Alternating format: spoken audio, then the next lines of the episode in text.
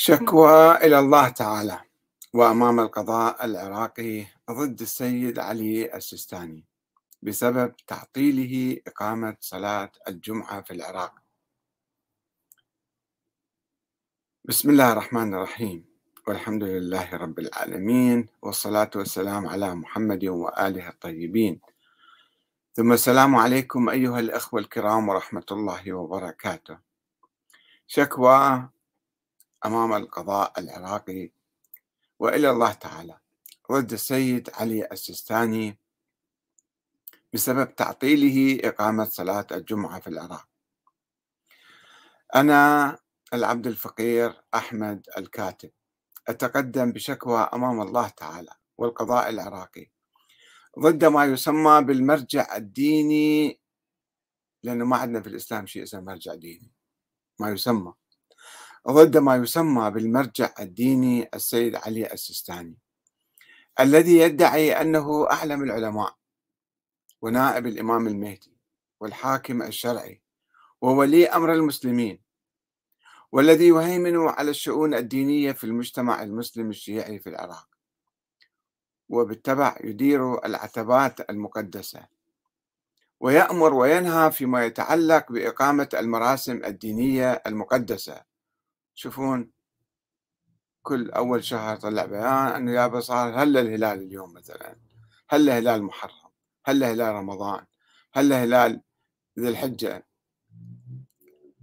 ومن الشؤون الدينية والمراسم الدينية طبعا صلاة الجمعة والجماعة. وتعيين الوكلاء هنا وهناك كالشيخ عبد المهدي الكربلائي والسيد أحمد الصافي في كربلاء ديناتهم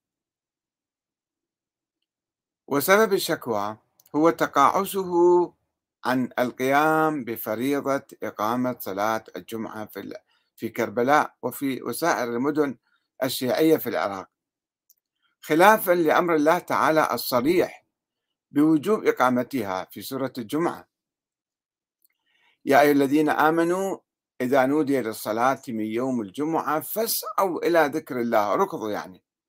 وذروا البيع. عزلوا دكاكينكم محلاتكم. اتركوا البيع. ذلكم خير لكم إن كنتم تعلمون. طيب هاي آية صريحة ولكن لماذا السيد السيستاني لا يعمل بها؟ بدون أي عذر يخالفها بدون أي عذر وقد كان السيستاني قد أمر من قبل بإقامة صلاة الجمعة في كربلاء. قبل أن يعطلها بسبب جائحة كورونا لمدة سنتين تقريبا. ولكنه لم يعد إلى الأمر بها بعد انتهاء الأسباب الصحية. وقد خرج وكيله الكربلائي مبررا عدم العودة إلى إقامة الصلاة بحجة عدم سماع السياسيين لنصائح السيستاني في خطب الجمعة. وهذا عذر أقبح من ذنب حيث لا يوجد في القرآن الكريم ولا في السنة النبوية ولا في تراث أهل البيت بند يتضمن النصائح السياسية في الصلاة.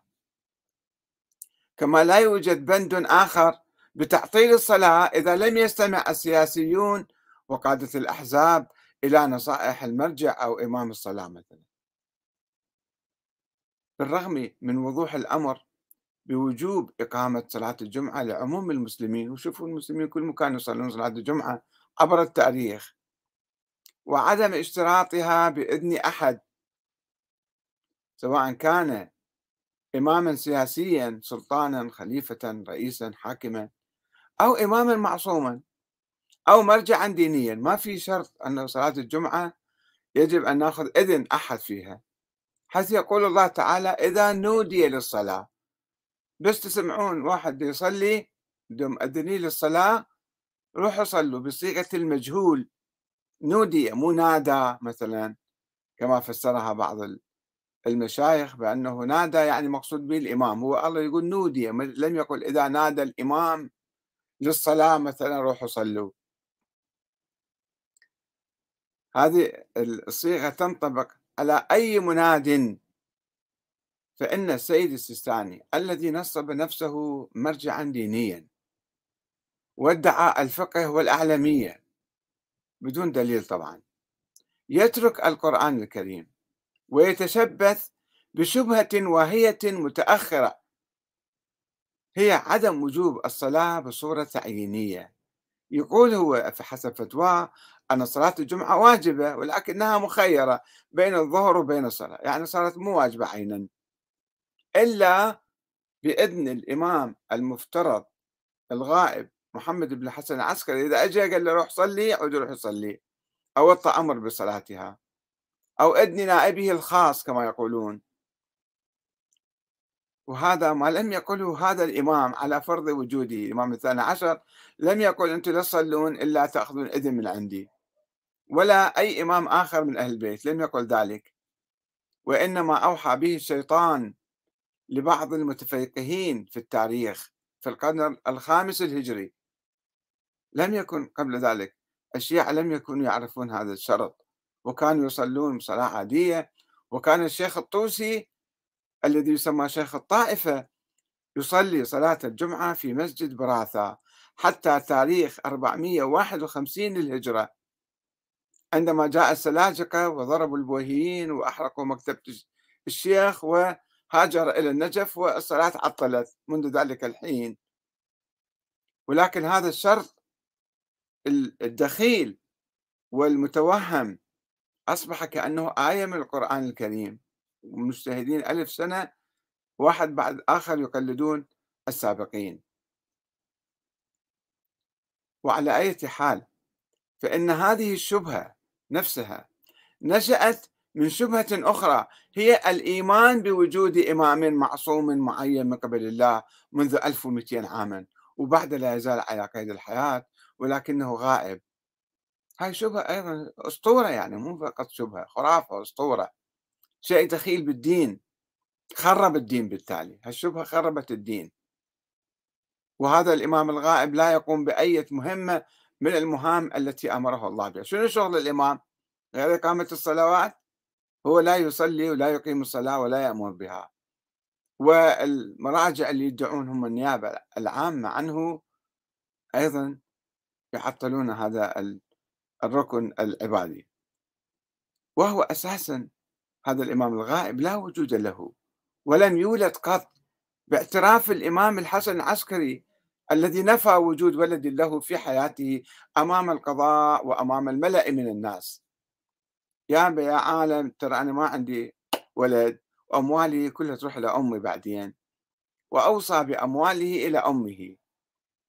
ولم يكن الاعتقاد بوجود ابن له إلا فرضية فلسفية خيالية مضادة للأدلة الشرعية الظاهرية والعقل والدين. شنو الكلام هذا؟ واحد صار له 1200 سنة غايب ومختفي وما يطلع وما يسوي أي شغل. وذول الجماعة اللي يدعون العلم والاجتهاد لم يجتهدوا في هذه القضية ولم يبحثوا فيها. كالسيستاني السيستاني الذي يدعي الفقه والاجتهاد لم يبحث في أصل عقيدته في وجود الإمام الغائب. اسألوه شنو دليلك؟ ما يعرف. أو نظرية الإمامة الإلهية أن الله عين أئمة معصومين. هذا أيضا نظرية أهل البيت لم يعرفوها ونفوها عن أنفسهم. ولكن السيستاني قلد من سبقه من مشايخ الطائفة. هو مقلد وليس بمجتهد. ينتحل صفة الاجتهاد هو مو مجتهد هو مقلد.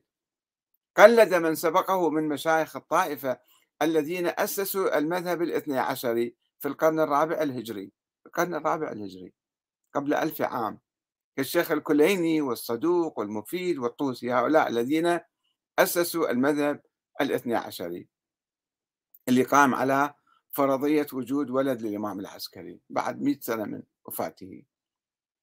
ومع ذلك يدعي السيستاني أنه مجتهد وأنه أعلم الفقهاء وأنه نائب الإمام الغائب وأنه الحاكم الشرعي وأنه ولي أمر المسلمين. وكل هذه صفات ومناصب يعني مدعات ومنتحلة ما يجوز لي الكلام هذا. كل ذلك بدون أي حق شرعي ولا مستند من الكتاب والسنة. وأنه بذلك ينتحل صفة دينية لم يجعلها الله. ما في الله ما جعل عندنا صفة اسمها المرجعية الدينية. ولم يجعله شخصيا هو فيها هو منصب في هذا المنصب. لقد قامت المرجعية الدينية على عدة أساطير وبدع ما أنزل الله بها من سلطان. وأصبحت في النهاية مرجعية ضد الدين مو مرجعية دينية مرجعية مضادة للدين وضد القرآن الكريم. وبذلك استولت على المساجد وعطلت إقامة صلوات الجمعة في العراق منذ مئات السنين والآن ما هي ما هو المبرر في تعطيل الصلاة؟ هل تنتظر أدنى من الإمام مهدي حتى يعطيك حتى تصير صلاة واجبة؟ ولذلك نطلب من القضاء العراقي رفع يد السيستاني عن المساجد وعن العتبات المقدسة والسماح للمؤمنين بإقامة صلاة الجمعة بحرية. وكذلك رفع يد وكيله في العتبة الحسينية الشيخ عبد المجيد الكربلائي الذي يحتل العتبة بصورة غير شرعية. يعني إذا قال لك السيستاني أنت وكيلي ما تصير أنت وكيل شرعي. مهيمن على المسجد وما تصلي صلاة الجمعة. بإمكانك أنت تصلي مش تحتاج إذن من السيستاني. يا شيخ عبد المجيد الكربلائي أقيم الصلاة كما كنت تقيمها من قبل. حتى تؤدي هذا الواجب. سواء السيستاني قال لك صلي أو لك لا تصلي ما له حق يمنعك. ما لك حق ما له حق يمنعك ولا يمنع أي واحد من أداء الصلاة. ونأمل أن يوقع المؤمنون على هذه العريضة وينشروها ويقدموها إلى القضاء العادل في العراق أو يقدموها حتى للسيستاني يعني يعيد يعيد النظر في موقفه هذا. نطلب منه أن باعتباره هو يحتل في المركز وعنده في المنصب. هو طبعا قد يكون رجل يعني مريض جدا ولا يتابع الأمور إنما ابنه ابنه لا يؤمن بالصلاة هو صار مرجع في مكان أبيه. قدموا هذه العريضة وهذا الكلام وهذه الشكوى إلى الله تعالى وإلى القضاء وإلى المؤمنين أن يا مؤمنون كل العالم الإسلامي يصلي صلاة الجمعة حتى في في الهند وفي بريطانيا وفي أمريكا وفي كل مكان بالدول المسيحية والبوذية والهندوسية حتى بالصين. والناس يصلون صلاة المسلمون يصلون صلاة الجمعة ما يحتاجون إذن أحد. إلا في كربلاء وفي آه، العتبات المقدسة وفي ظل مرجعية ما يسمى المرجع السيستاني. هذا كله مو صحيح هذا كله لأنه تراكم الفساد والانحراف وتراكم البدع. والخرافات. هذه أدت إلى الابتعاد عن شرع الله تعالى وعن الدين. المفروض في من يسمي نفسه مرجعا دينيا أو عالما أو شيخا أن يبادر إلى تنفيذ أحكام الله وأوامره ومنها صلاة الجمعة. لا أنه يقول لا لا لا تصلون لا تصلون صلاة مو واجبة. هذا أي منطق هذا؟ والسلام عليكم ورحمة الله وبركاته.